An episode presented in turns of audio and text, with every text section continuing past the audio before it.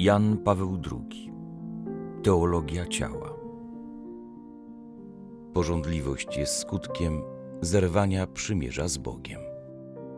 Weszliśmy od niedawna w nowy cykl rozważań, które bazują na tekście Ewangelii Świętego Mateusza, skazania na górze.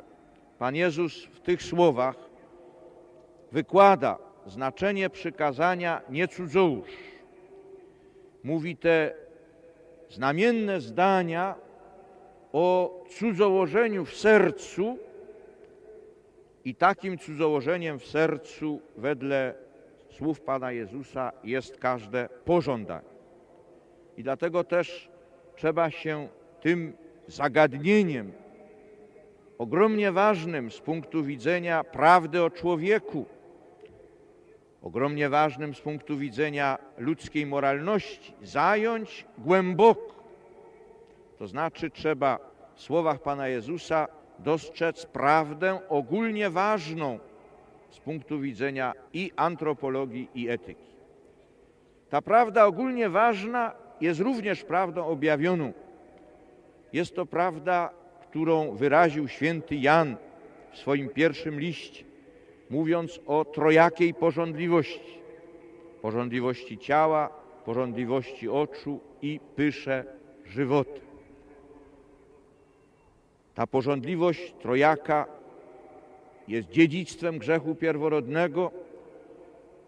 Wynikiem jej jest to, że człowiek inaczej widzi, inaczej przeżywa i świat, i siebie, a w szczególności tę głęboką relację mężczyzna-kobieta, która została tak głęboko, gruntownie naświetlona w pierwszych rozdziałach Księgi Rodzaju.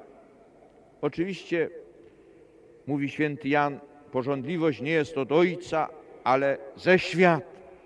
Oczywiście nie chodzi tutaj o świat, tak jak został on stworzony przez Boga, o świat, o którym sam Stwórca na początku w Księdze Rodzaju stwierdza, że jest dobry. Chodzi o świat tak, jak on ukształtował się dla człowieka w sercu ludzkim na skutek grzechu. To są dzisiejsze uwagi na ten temat. Będziemy oczywiście ten temat kontynuowali.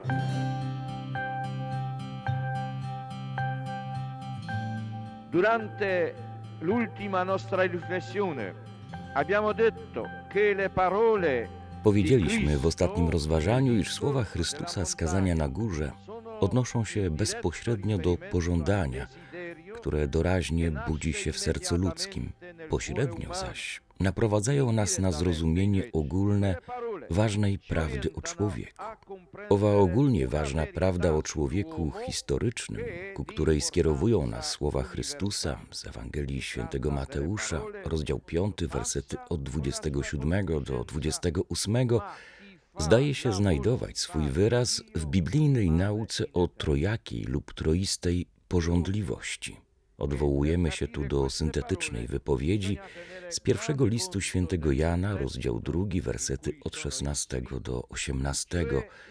Wszystko bowiem, co jest na świecie, a więc porządliwość ciała, porządliwość oczu i pycha tego żywota, nie pochodzi od Ojca, lecz od świata.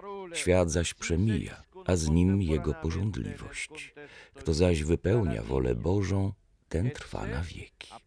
Rzecz jasna, iż w rozumieniu tych słów obowiązuje zasada bezpośredniego kontekstu, w jakim zostały wypowiedziane. Jest to kontekst pierwszego listu świętego Jana, kontekst całej teologii Janowej, o której wiele już napisano. Jednakże te same słowa tkwią równocześnie w kontekście całej Biblii. Należą do całokształtu objawionej prawdy o człowieku, są ważne dla teologii ciała. Słowa te nie wyjaśniają samej porządliwości w jej potrójnej postaci. Zdają się zakładać, że to, czym jest porządliwość ciała, porządliwość oczu i pycha tego życia, jest w jakiś sposób jasne, wiadome i znane. Wyjaśniają natomiast genezę trojakiej porządliwości, wskazują na jej pochodzenie nie od Ojca, lecz od świata. La concupiscenza della carne ed insieme ad essa Porządliwość ciała, wraz z nią porządliwość oczu i pycha tego życia jest na świecie i zarazem pochodzi od świata nie jako owoc tajemnicy stworzenia, lecz jako owoc drzewa poznania dobra i zła w sercu człowieka. Owocuje w niej nie sam świat stworzony przez Boga dla człowieka, świat, o którego podstawowej dobroci czytamy tyle razy w Księdze Rodzaju, rozdział pierwszy. Widział Bóg, że było dobre, że było bardzo dobre. W troistej porządliwości owocuje natomiast zerwane u początku przymierze ze Stwórcą, z Bogiem Elohim i Bogiem Jahwe. Przymierze to zostało złamane w sercu ludzkim. Musielibyśmy tutaj podjąć bardzo wnikliwą analizę wydarzeń opisanych w Księdze Rodzaju, rozdział trzeci, wersety od pierwszego do szóstego, czego jednak nie czynimy. Odwołujemy się tylko ogólnie do tajemnicy grzechu początku dziejów człowieka. Dopiero bowiem jako następstwo grzechu, jako owoc złamanego w ludzkim sercu, wnętrzu człowieka, przymierza z Bogiem, świat Księgi Rodzaju stał się światem słów Janowych z pierwszego listu świętego Jana, rozdział drugi, wersety 15 i 16, miejscem porządliwości, a także jego źródłem. Tak więc ta wypowiedź, która stwierdza, że porządliwość nie pochodzi od Ojca, lecz od świata, zdaje się raz jeszcze skierowywać nas w stronę biblijnego początku. Geneza Janowej troistej porządliwości w nim znajduje swe pierwsze i podstawowe wyjaśnienie. Jest to zaś wyjaśnienie istotne dla naszej teologii ciała. Aby przybliżyć ową ogólnie ważną prawdę o człowieku historycznym, jaką zawierają w sobie słowa Chrystusa skazania na górze, wypada nam raz jeszcze powrócić do Księgi Rodzaju, raz jeszcze stanąć na progu objawienia człowieka historycznego. Jest to tym bardziej konieczne, że ów próg historii zbawienia okazuje się równocześnie, stwierdzimy to w kolejnych analizach, progiem autentycznie ludzkich doświadczeń. Odżyją w nim te same podstawowe znaczenia, które udało się nam wydobyć w uprzednich analizach, widząc w nich konstytutywne elementy adekwatnej antropologii, a zarazem głębokie tworzywo teologii ciała. Può sorgere ancora la domanda se sia lecito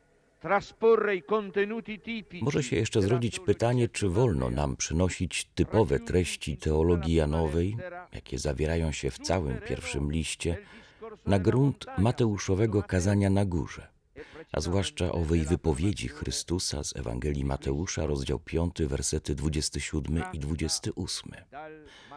Będziemy jeszcze wracać do tego problemu, jednakże już teraz odwołujemy się do integralnego kontekstu całej Biblii, do całokształtu objawionej i wypowiedzianej w niej prawdy o człowieku.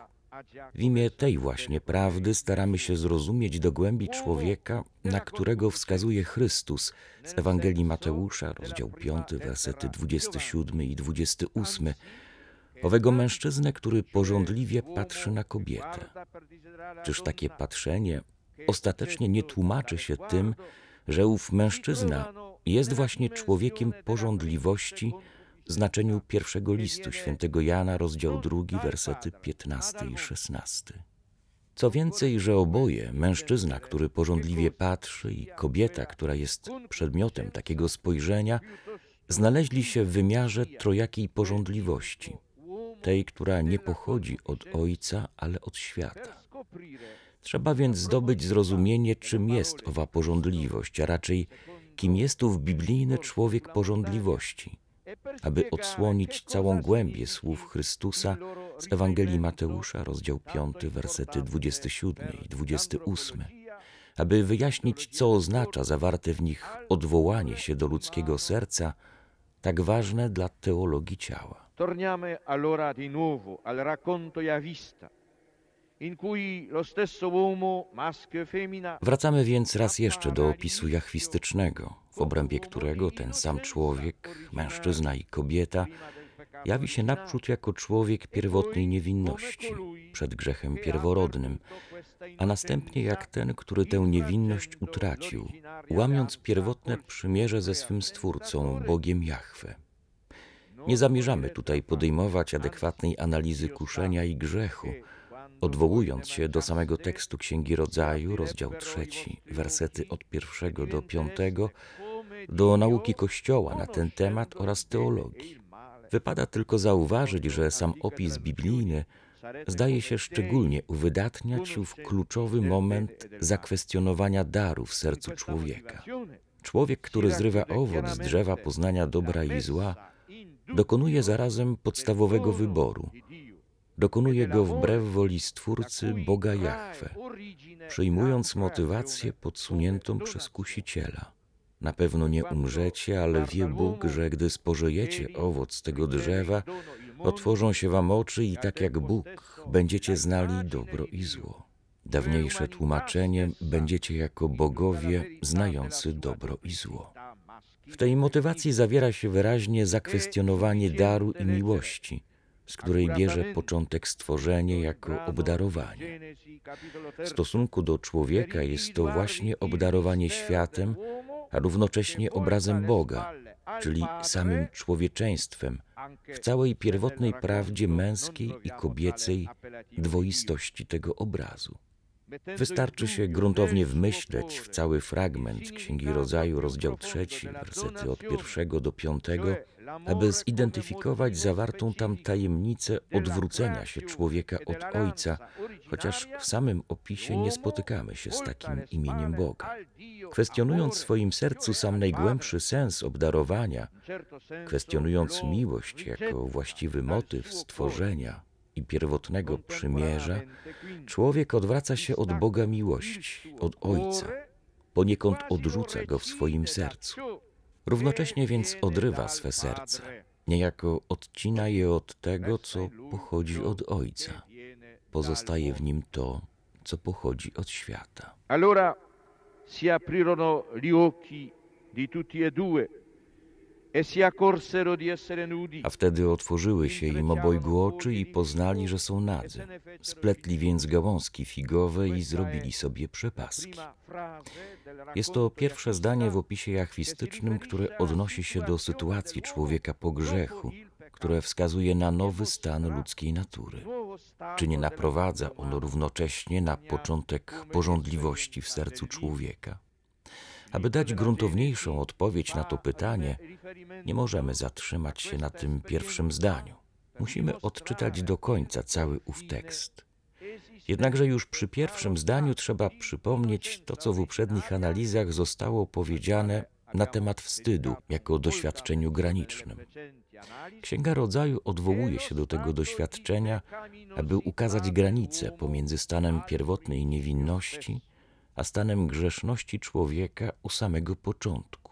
Skoro Księga Rodzaju, rozdział drugi, werset 25 podkreśla, że byli nadzy, lecz nie odczuwali wobec siebie wstydu, to Księga Rodzaju, rozdział trzeci, werset szósty, mówi wyraźnie o narodzinach wstydu wraz z grzechem. Ów wstyd jest jak gdyby pierwszym źródłem ujawnienia się w człowieku, w obojgu, mężczyźnie i kobiecie, tego, co nie pochodzi od Ojca, ale od świata. e donna di ciò che non viene dal Padre ma dal mondo.